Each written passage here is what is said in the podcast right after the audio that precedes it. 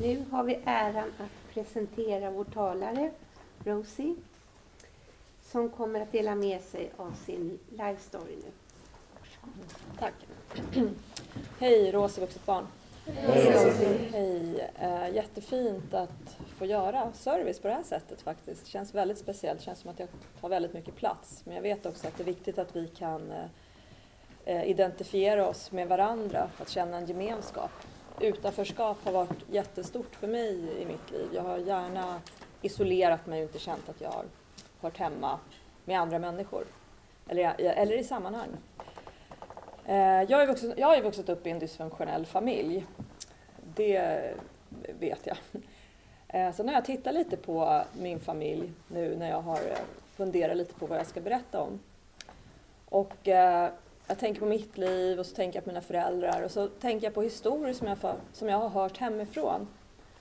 Och då tänkte jag att jag berättar från början, så långt jag vet. Då är det så att jag vet att min mamma föddes uppe i Luleå 1947 av eh, min mormor då naturligtvis och min morfar. Och min mormor blev lämnad på BB för att, och jag vet inte varför, men min morfar han gick. Så att hon blev själv med min mamma. Och på den tiden eh, så ansåg man troligtvis att inte ensamma kvinnor kunde ta hand om små barn om, utan man och ekonomi. Så min mamma blev placerad på ett barnhem hennes första två år i livet. Och eh, min mormor tyckte det var jobbigt så att hon eh, faktiskt efter två år beslöt sig för att flytta ner till Stockholm. Och då hyrde hon en hall i Gamla stan. Där hon, eh, hon hyrde hallen av en äldre man i Gamla stan. Eh, så min mamma kunde få bo med min mormor då.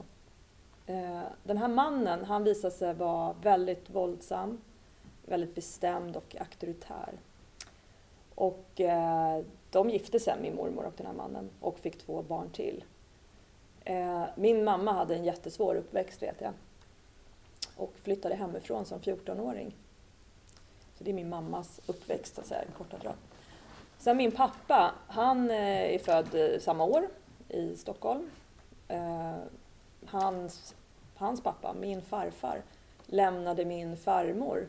Han var alkoholist, svår, gravt alkoholiserad och lämnade min farmor själv med tre barn.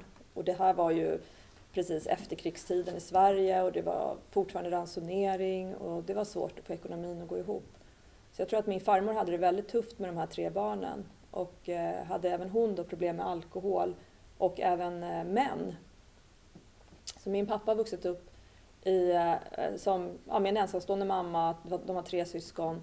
Min pappa hade läs och svår, skrivsvårigheter och fick ingen hjälp med det. Och eh, min farmor försökte hålla en fasad om, om, om, att allt var bra. Så det var alltid väldigt städat hemma har jag fått höra. Och eh, mattorna skulle piskas varje, varje torsdag annars fick man, eh, man fick stryk med, med läderrem. Eh, så min, och min pappa, han slutade skolan som 13-åring. Han gick ut sjuan.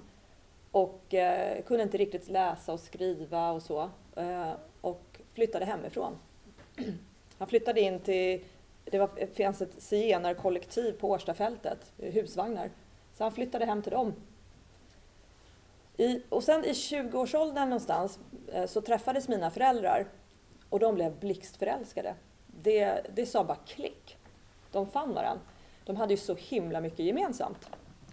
Och det här, det här, den här attraktionen har jag fått höra väldigt mycket om, hur bra de hade det. Så att deras första tio år i förhållandet så, så levde de verkligen loppan.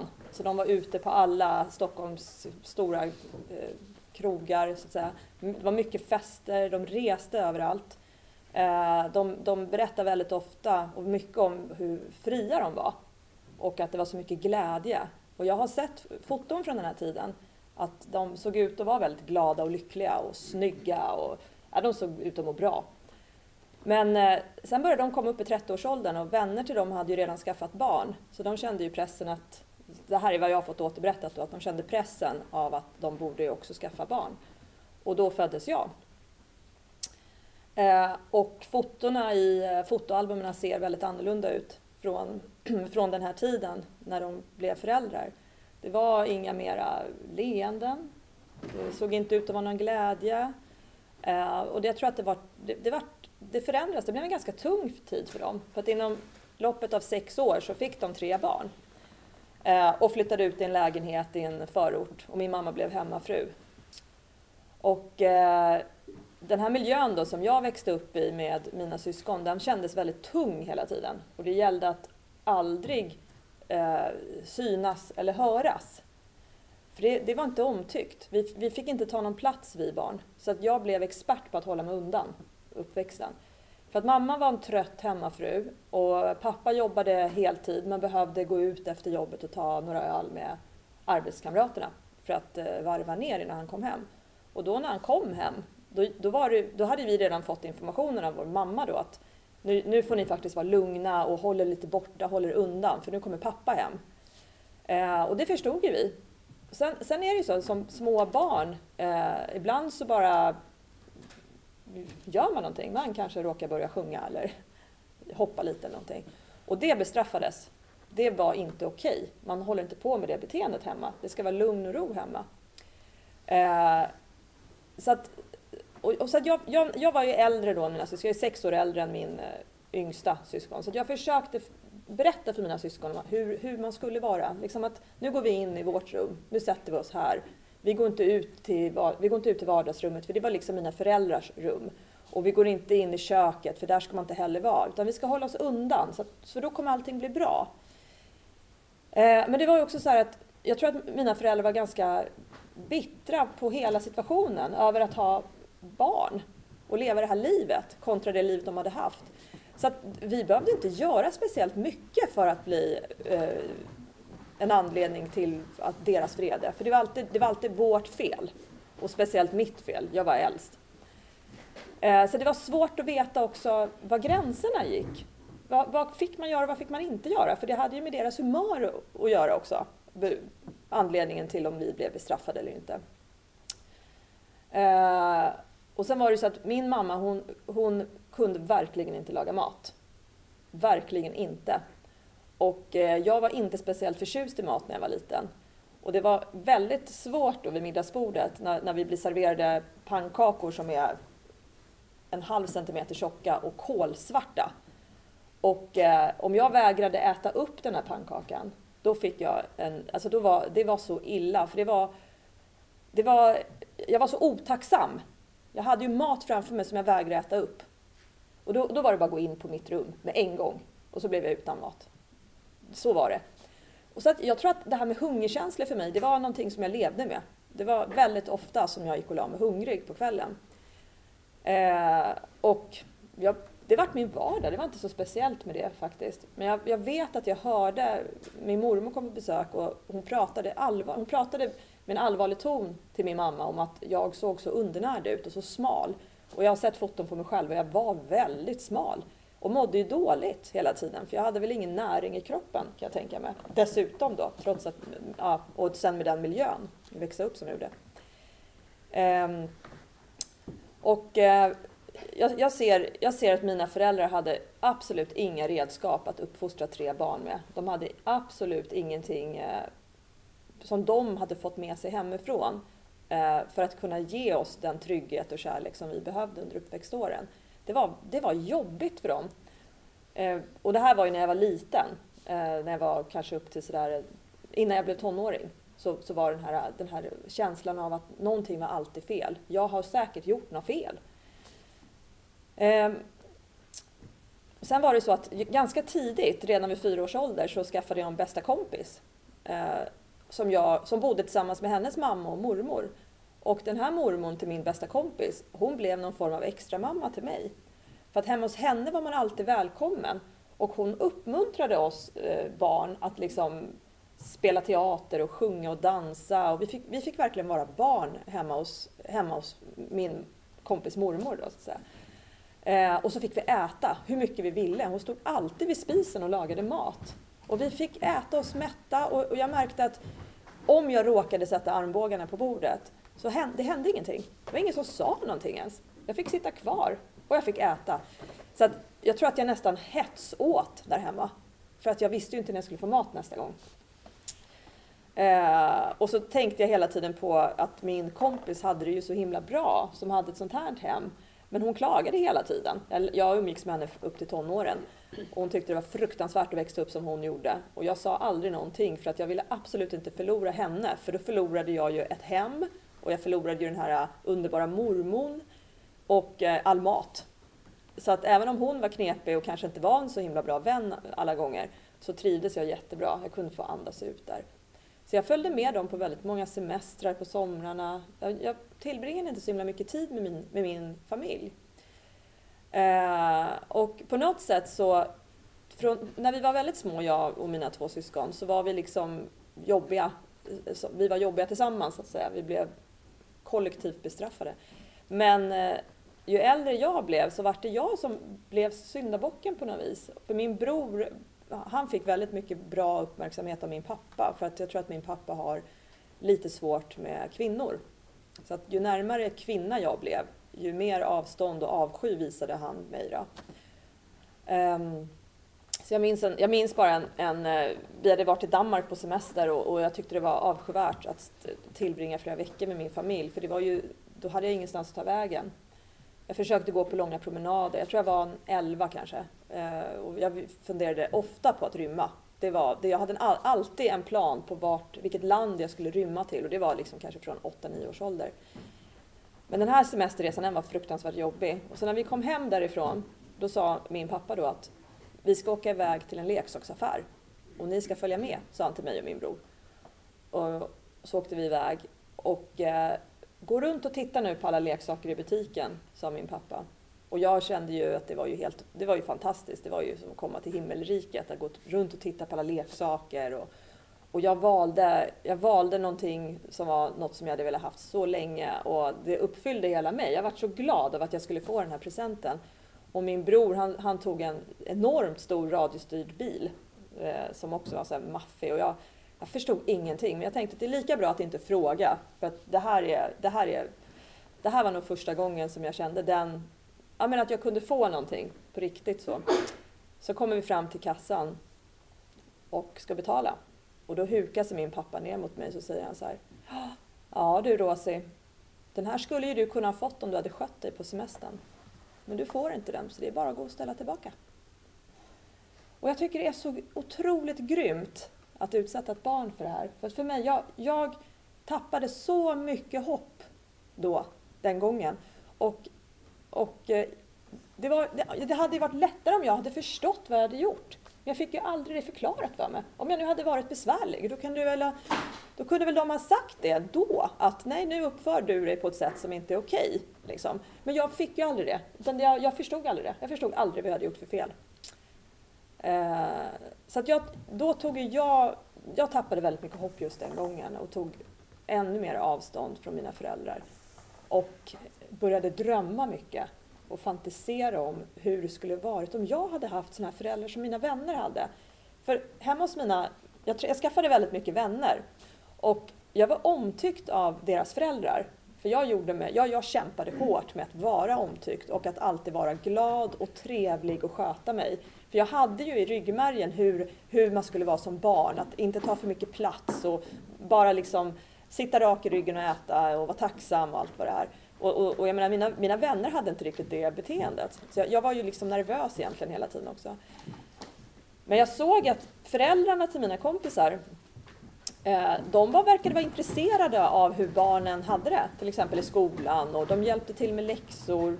Och barnen tog, så här, de tog väldigt mycket plats. Och jag minns att jag reagerade på det och tyckte att barnen betedde sig illa när de tog den här platsen. De kunde tjata på föräldrarna. För det, var ju, det bestraffades ju hårt hemma hos oss om vi liksom gick fram till våra föräldrar och försökte prata och nå dem. Det var inte alls det var inte tillåtet. Vi skulle hålla oss undan. Eh, men där hemma hos, vänner, hemma hos vännerna så var det annorlunda. Där, där var de liksom en familj och alla fick ta, ta plats i familjen.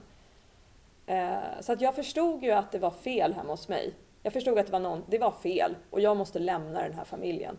Och jag trodde på, när jag, var, när jag gick i sexan då trodde jag på riktigt, när en kompis sa till mig så här, att eh, ja, men jag skulle vilja ha lite roligt och lite äventyr, så då sa jag så här, bra, vi rymmer till Italien. Och jag var hemma och packade min väska, för jag trodde på riktigt, jag trodde på fullaste allvar att hon och jag, vi kommer, vi kommer åka till Italien. Jag hade tagit reda på hur man skulle ta sig dit. Och sen säger hon ju till mig då att nej, men jag, jag skojar ju bara. Och jag bara nej, alltså herregud, jag kommer aldrig härifrån. Um, sen, sen var det så här också att det, när jag, jag gick ifrån att vara väldigt rädd och tystlåten och försökte göra alla människor till lags, alltså från, när jag var barn. När jag, blev, jag gick ifrån det till att bli lite mer rebellisk som eh, 13-14-åring. På så sätt att jag svarade tillbaka om mina föräldrar sa någonting, för det hade jag inte riktigt gjort. Jag, jag svor min första gång när jag var 12 år. Jag har, jag har dagboksanteckningar hemma så jag har läst om det här. Att jag, jag hade sagt en svordom, för jag, jag kände det får man inte göra. Men när jag var 12 så där, då svor jag. Och eh, när jag var 13-14 så började jag svara tillbaka eh, till mina föräldrar. Att jag, liksom, jag hade tappat, jag visste att jag ändå skulle, vad jag än gjorde så skulle det, det skulle inte bli bra ändå. Så då började jag uttrycka vad jag tyckte och tänkte på tonåringsvis. Och det kan ju vara extremt kaxigt, så det, det gjorde jag ju. Eh, och det är också så här att det var inte bara psykisk misshandel hemma hos mig, det var också väldigt mycket fysisk våld. Så från när jag var liten så har jag blivit slagen också.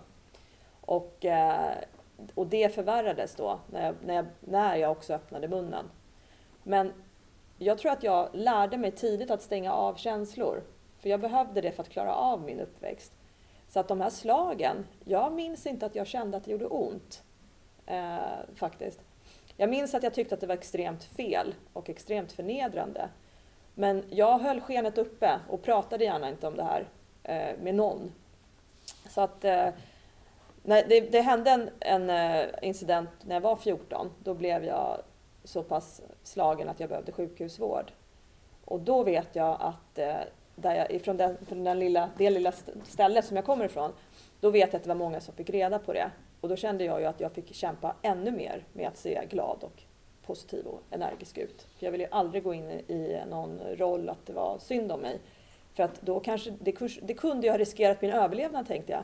Jag måste ju fortsätta vara den här glada tjejen eh, så att jag blir välkommen hem till vänners familjer och kan äta mig mätt och så. Eh, men där eh, blev jag faktiskt placerad på ett hem eh, för utsatta barn och jag kände att jag kände mig jättelugn. Att jag trodde jag skulle få bo kvar.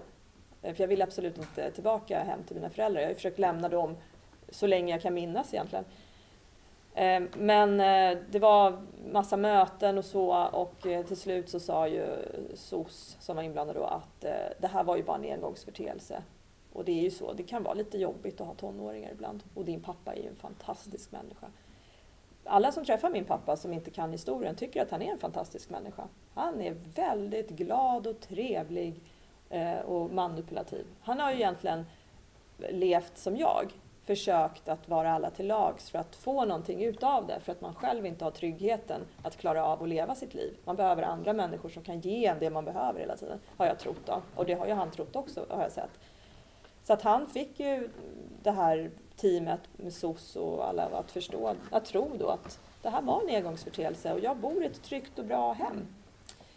Eh, så att när jag fick höra det från SOS, för de satte mig själv i ett rum och berättade det här att det är bara att flytta hem och din pappa är en bra man, en bra person. Då, det var då jag förstod att jag aldrig mer kunde lita på vuxna människor. Aldrig mer. För, och det, var, det var då jag förstod det. Att nu är jag själv. Nu gör jag på mitt sätt. Nu, nu klipper jag med världen, med omvärlden. Så att myndigheter, auktoritärer, eh, tjänstemän, eh, whatsoever. Jag var trevlig mot alla. Jag har ju aldrig varit en bråkstake. Men jag hade ingen som helst tillit till systemet och samhället. Ingenting. Så jag, var, jag kände inte att jag var en, eh, en eh, medborgare till Sverige. Det gjorde jag inte. Jag tyckte att jag hade blivit sviken. Eh, så att när jag kom hem från det här eh, hemmet då, Eh, så från den här eh, vad, anstalten, ska säga, så blev det ju slagen. Jag, blev, jag slutade bli slagen hemma. Men eh, den psykiska misshandeln ökade, blev ännu mer. Jag, de gjorde väl, min pappa speciellt, han gjorde väldigt många saker som, inte, som jag inte tyckte var anmälningsbara. Men jag ser ju då att det var ju det. Så att bara någon månad efter det där, då flyttade jag hem till en kompis eh, jag var 14 år och jag bodde där i några månader. Eh, och sen fortsatte det så. jag bodde hos kompisar några månadsvis. Och ehm, jag minns att min lärare på skolan sa till mig vid ett tillfälle att jag vet vad du går igenom och det, det är ju väldigt tufft. Så då fick jag någon liten form av bekräftelse men det var ju aldrig någonting mer som hände. Eh, när jag, och när jag var 16 år då träffade jag, då blev jag ihop med en kille. Jag började ettan på gymnasiet och då flyttade jag hem till honom. Så jag kan säga att jag flyttade väl hemifrån första gången som 14-åring. Men jag mellanlandade kanske efter tre, fyra månader hemma hos mina föräldrar igen, men det gick ju aldrig. Så då, igen var det någon sån här trevlig familj, någon, någon kompis föräldrar som tog sig an mig. Då. Jag var ju aldrig besvärlig. Och sen började jag faktiskt jobba extra på ett café när jag var 13, eh, ska jag säga, så att jag hade pengar. Så att jag började äta och köpa mat och så när jag var 13-14 år. Eh, och jag var ju jätteomtyckt på det här jobbet. Jag blev ju jätteduktig på, på, på att arbeta. Det, de tyckte att jag, jag, jag funkade liksom. Jag visste ju, jag, jag var en jättestor people pleaser. Jag visste exakt vad jag behövde göra för att alla andra människor skulle bli nöjda med mig. Eh, så att, ja, jag jobbade väldigt mycket faktiskt mina första tonårsår där. Och så flyttade jag hemifrån permanent när jag var 16 eh, med den här killen då. Ehm, sen tog det slut mellan oss och eh, jag fick ett jobberbjudande på Sypen av alla ställen. Jag visste inte ens vad Sypen var. Ja, det är en ö, alltså, sa de i Medelhavet. Jaha, tänkte jag, en ö? Jag tänkte sån här ö, liksom Robinson Crusoe-ö. Hur ska det gå? Eh, för jag tackade ja till jobberbjudandet. Då skulle jag jobba som barnflicka i tre månader där nere. Och, och jag åkte ju ner, då var jag 17. Eh, och eh, efter tre månader så, där så träffade jag en, en grek där då. Och då blev det sju år. Det var perfekt för mig, jag som alltid velat åka utomlands. Men jag ser ju idag att det var ju, det var ju eh, verkligen, det låg ju i linje med mitt beteende, att ständigt vilja förflytta mig och inte vara kvar. Men ibland de här grekerna och med min man då och hela hans jättestora tjocka släkt så vart jag, då fick jag ett rejäl, ett hem, verkligen. Och det, det, det är en annan kultur. Det, det, där var det stökigt. Jag menar, där var det verkligen att barnen behövde inte alls sitta rak i ryggen och äta sin mat. De fick, de fick äta med fingrarna och stå och äta och hoppa och studsa så mycket de ville. Det var aldrig någon som sa till barnen. Och jag hade lite svårt för det i början för jag tänkte så här, gud vilka ouppfostrade barn. Men nej, det är bara en annan kultur. Eh, och jag passade bra in i den, för jag kunde slappna av på ett annat sätt. För att det jag hade med mig från Sverige, det, det passade inte in där ändå. Det här med att jag skulle vara så himla ja, väluppfostrad på något vis, bete mig rätt. Utan där var, det, där var det ganska mycket bättre att bara vara lite, ja, inte högljudd ska jag säga, men de är lite mer högljudda än här. Lite mer, bara kör bara, tänk inte så mycket. Vi ska, vi ska ha kul nu ungefär. De, de skrattade mer. Så det, var, det var sju år där jag kunde få vila lite och, jag, och min eh, för detta man då, alltså han är en fantastisk person. Vi hade ett jättebra förhållande och han tog väldigt bra hand om mig. Väldigt bra. Jag, jag fick allt jag ville eh, fast jag inte bad om någonting speciellt så. Och vi hade det bra och vi har två barn också tillsammans. Eh, men som sagt var, sen efter några år så började jag känna det att nu måste det ju hända någonting. Eh, och då har, vi ändå, då har det ändå hänt väldigt mycket under de åren. Så att jag flyttade hem till Sverige och eh, började plugga och bodde med en kompis och så. Hade inte riktigt kontakt med mina föräldrar. Min mamma ringde så där var tredje månad ungefär. Och jag, jag hade ju med mig den här tanken av hur en familj kan se ut. För jag hade ju med mig det från Sypen. Jag hade ju haft det även som under uppväxtåren. Men nu var det ju så det här med släkt och kusiner och sysslingar. Och det var så härligt tänkte jag, som gemenskap. Så jag, jag, försökte få ihop, jag försökte få min mamma att liksom bli en del av, av mig och mina barn. Men hon var, hon var aldrig intresserad. Hon, hon kunde på telefon fråga hur det var med, med barnen, med mina barn. Men hon var aldrig liksom där riktigt. Eh, sådär. Så att jag hon ville inte riktigt. Och, och, en gång så frågade jag henne faktiskt, för då tänkte jag så här, jag är ju mamma nu och hon är ju mamma. Då frågade jag henne så här, nej, när jag blev slagen som barn och du, och du hörde allting, vad, hur kommer det sig att du aldrig ingrep? Varför gick du aldrig emellan? Jag kunde ju ha dött. Och det, jag menar, jag förstår ju idag att det kunde inte jag, den frågan kunde inte jag ställa till min mamma. Alltså den skulden som hon bär på förmodligen.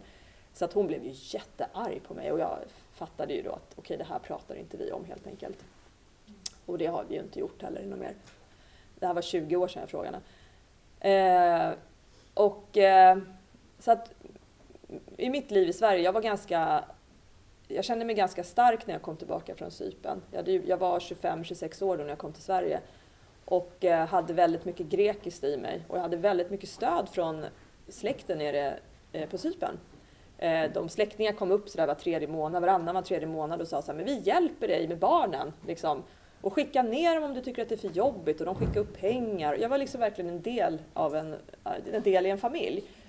Men jag ville liksom inte vara, jag ville ju hitta mig själv nu då. Jag visste ju inte riktigt, var jag svensk eller var jag, var jag cypriot och vem är jag och allt det där. Så att eh, jag, jag, beslöt mig för att inte flytta tillbaka, för den, den tanken hade, hade jag. Och så träffade jag, efter två, tre år sedan, så träffade jag en man då, eh, en svensk man. Och så tänkte jag så här, nu ska jag bli svensk. Jag träffade en så här jättesvensk man tyckte jag. Så här. Och jag hade en kompis som sa så här, träff, att, att det var bra, så kan du liksom bli, du är ju ändå svensk så att du kan få börja med de här svenska rutinerna. Okej då, sa jag. Och så blev vi ihop. Fast jag tänkte väl liksom att jag vet inte om jag känner någonting för den här mannen, men det var väl, han var ju snäll mot barnen. Men sen träffade jag hans föräldrar och de var ju underbara. Oj, oj, oj, oj, oj, så jag kände det här var ett bra kap. Herregud, här ska jag vara kvar. Så att vi har också två barn, han och jag. Och, min, och vi separerade sedan eh, tio år tillbaka. Och, eh, så jag har två barn då som är cyprioter så att säga, halvcyprioter och två barn som är supersvenska.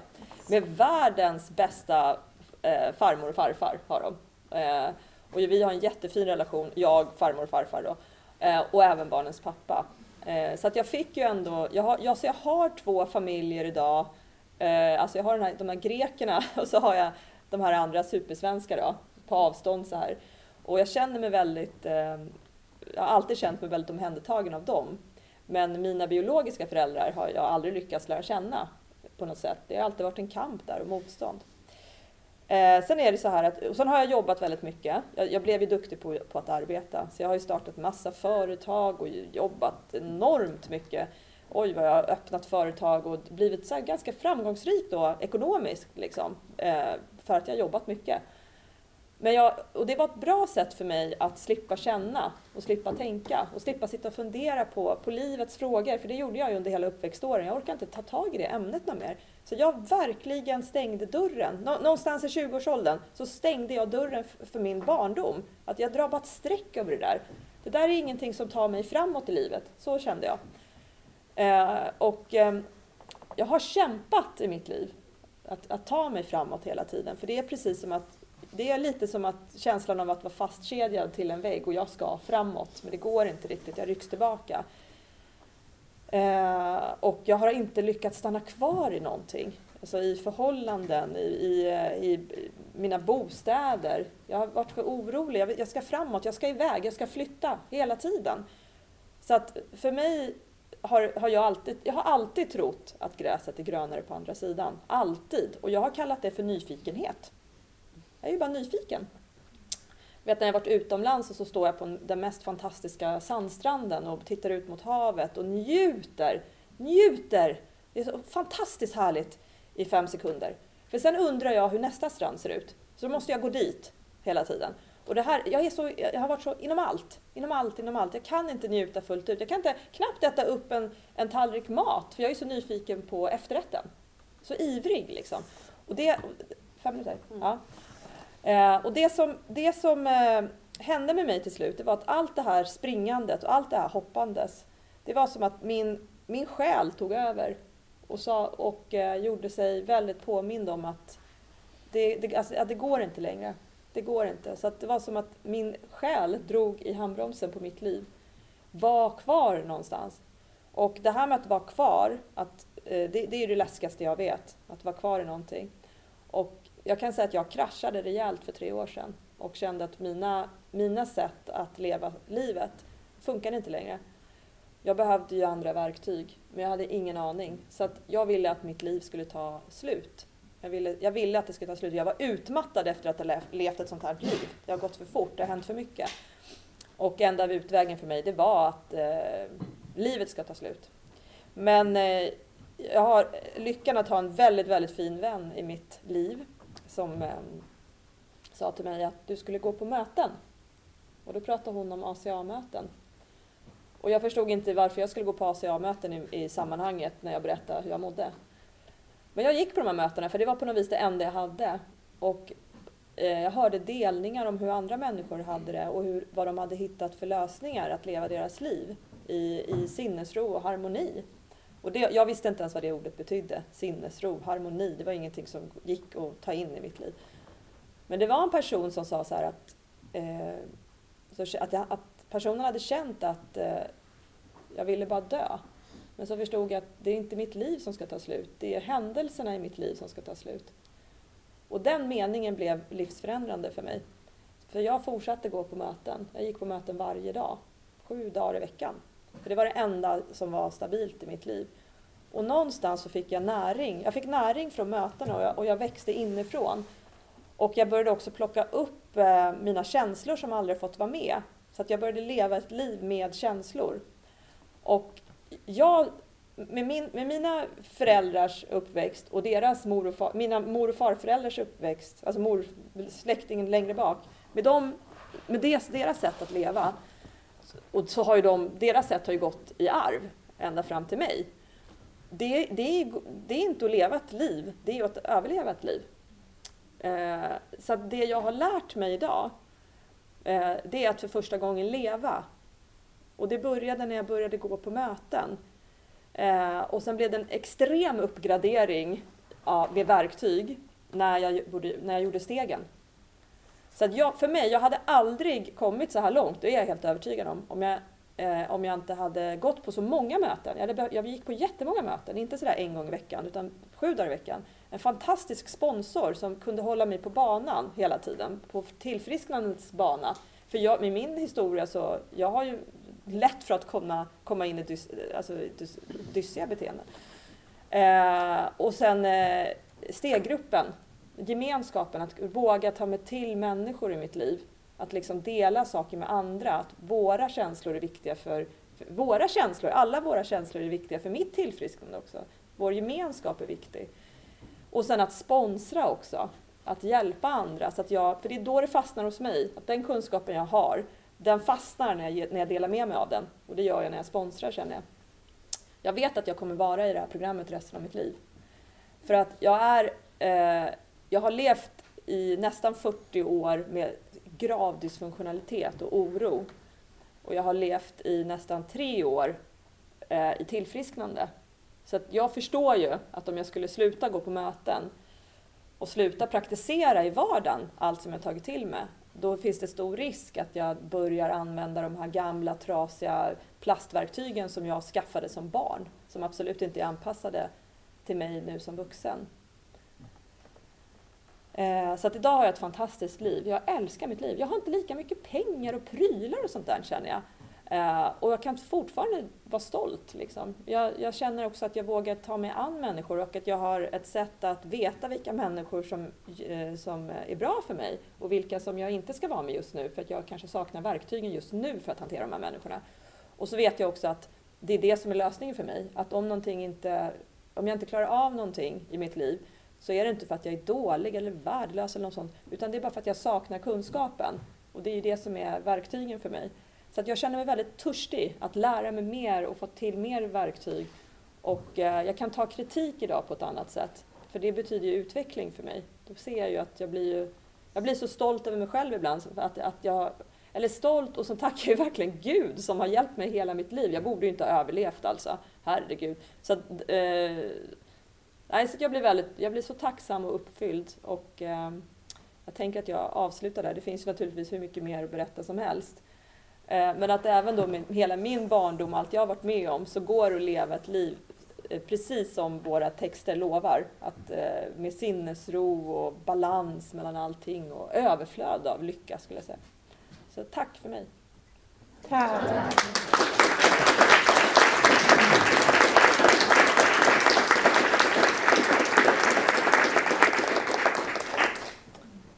Nu är det tio minuter kvar och vi öppnar upp för frågor till Rosie. Så varsågoda. Patrik, vuxet barn. Hej Patrik. Eh, hur ser relationen ut till dina syskon idag? Eh, ja, så här. När jag, eh, började jobba i stegen och alla känslor kom, kom upp, för det var så att jag har grävt ner väldigt många känslor, så det kom upp känslor som jag aldrig hade berört. Det var rätt jobbigt för mig. Då, Eh, då klippte jag kontakten med min syster och mina föräldrar. Så än idag så har jag faktiskt ingen kontakt med min, min eh, syster och mina föräldrar. Eh, mina föräldrar är alkoholister också. Jag vet inte hur jag ska bemöta dem. Jag har inte tänkt att det ska vara för alltid. Men eh, det är igen det där med verktyg. Jag har inte just nu idag verktygen att eh, ta kontakt med dem, veta hur jag ska göra. Och jag är också rädd om mitt tillfrisknande, att jag vill inte utsätta mig för faror. Eh, och sen min bror och jag, vi har ju vi har en jättefin relation. Och eh, jag har alltid varit, eh, vi har, vi har alltid haft en bra relation, vi har alltid umgåtts. Men vi kan inte prata om barndomen. Där har jag, där har jag lärt mig. Och jag har accepterat det, för att i början av programarbetet så ville jag så gärna jag ville så gärna liksom ta med mig min bror på det här. Han har ju också haft det jobbigt. Men, men han är totalt i, i förnekelse anser jag. Så att vår relation nu har ju aldrig varit bättre i och med att jag har accepterat att jag, vissa dörrar öppnar inte jag med honom. Jag har förstått vad det är för relation vi har och jag är nöjd med det. Mm. Tack.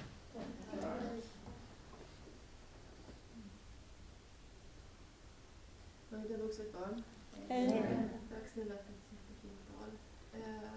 Kan du säga några ord om förlå- förlåtelsen? Hur har du jobbat med det? Har du gjort det kontra dina föräldrar? Mm.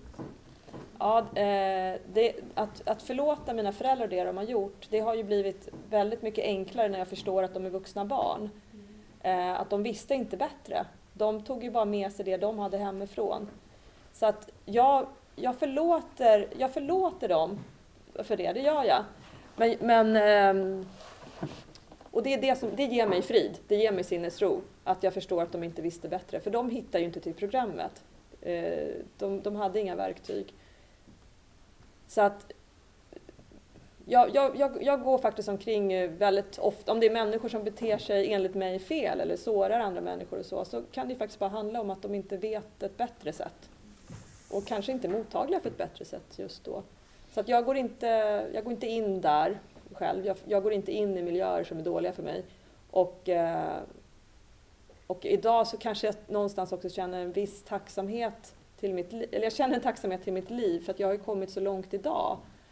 Eh, och att jag kan också dela med mig av det som jag har.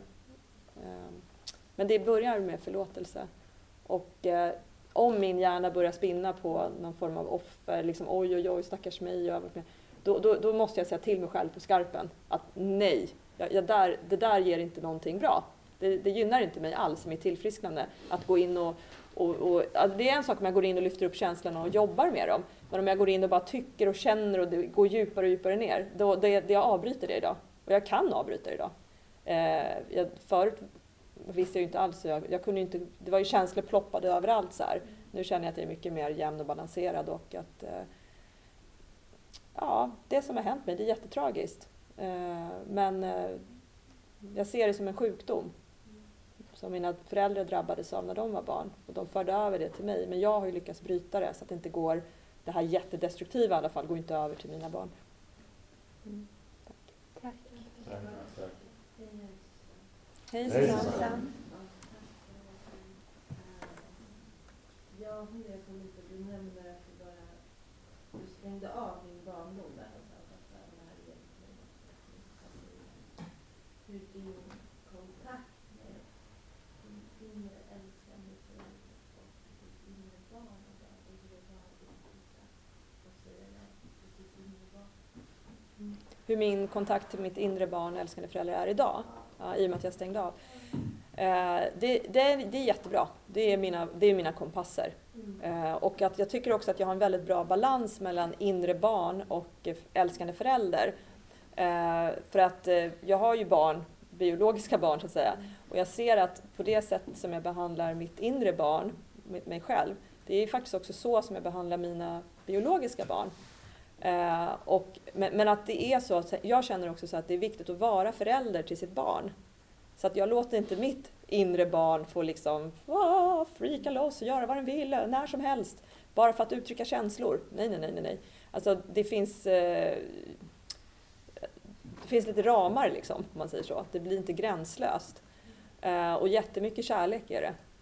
Och jag, när jag kom i kontakt med min älskande förälder, det gjorde jag nog sådär för ett och ett halvt år sedan, Eh, då ville jag åka till Indien i fyra månader. Jag var, jag var liksom precis i början av stegarbetet. Tänkte att det är en bra idé, det, blir- det blir skönt. Och så kliver liksom min älskande förälder in som en röst in i mitt huvud och säger så här, men Rosie, nu håller ju du på med stegarbetet. Eh, det är ett intensivt jobb och du ska byta arbetsplats och du ska flytta. Räcker inte det för i år? Och jag bara, nej gud vad tråkigt, jag får aldrig ha kul. Och det var liksom så här, jag bara oj oj oj, jag håller på att bli schizofren. Men, men eh, det här har verkligen hjälpt mig. Jag har verkligen fått en bra kontakt med min älskande förälder och mitt inre barn. Och nu är det väldigt naturligt. Nu är det så här att oron eller någonting konstigt, ja men det kan vara, in, det kan vara, det kan vara mitt inre barn som, det är någonting nu. Jag kanske behöver lugna ner mig sådär. Och då, och då är det på något vis förståndet, det är den älskande föräldern och alla känslorna är mitt inre barn. Lite så kan jag säga. Mm, tack. Hej Emma. Hej Emma. Jag känner igen mig så himla mycket i det här när du berättar om nyfikenhet och att alltid varit iväg någon gång och alltid ha fullt upp. Och jag tror tänker mig att det är fler här inne som använder oss av det. här. Och jag har inte ännu kommit till det där att jag klarar av att stanna upp. Så jag tänkte, har du något råd att komma? Ja, det, det som har funkat för mig då, det är ju de råden jag kan ge, eh, det är att lugna ner mig. Att vara lugn och sen så måste jag ge mig själv mina, ge, ge mig själv mina basala behov, alltså i form av sömn, mat, alltså näringsrik mat.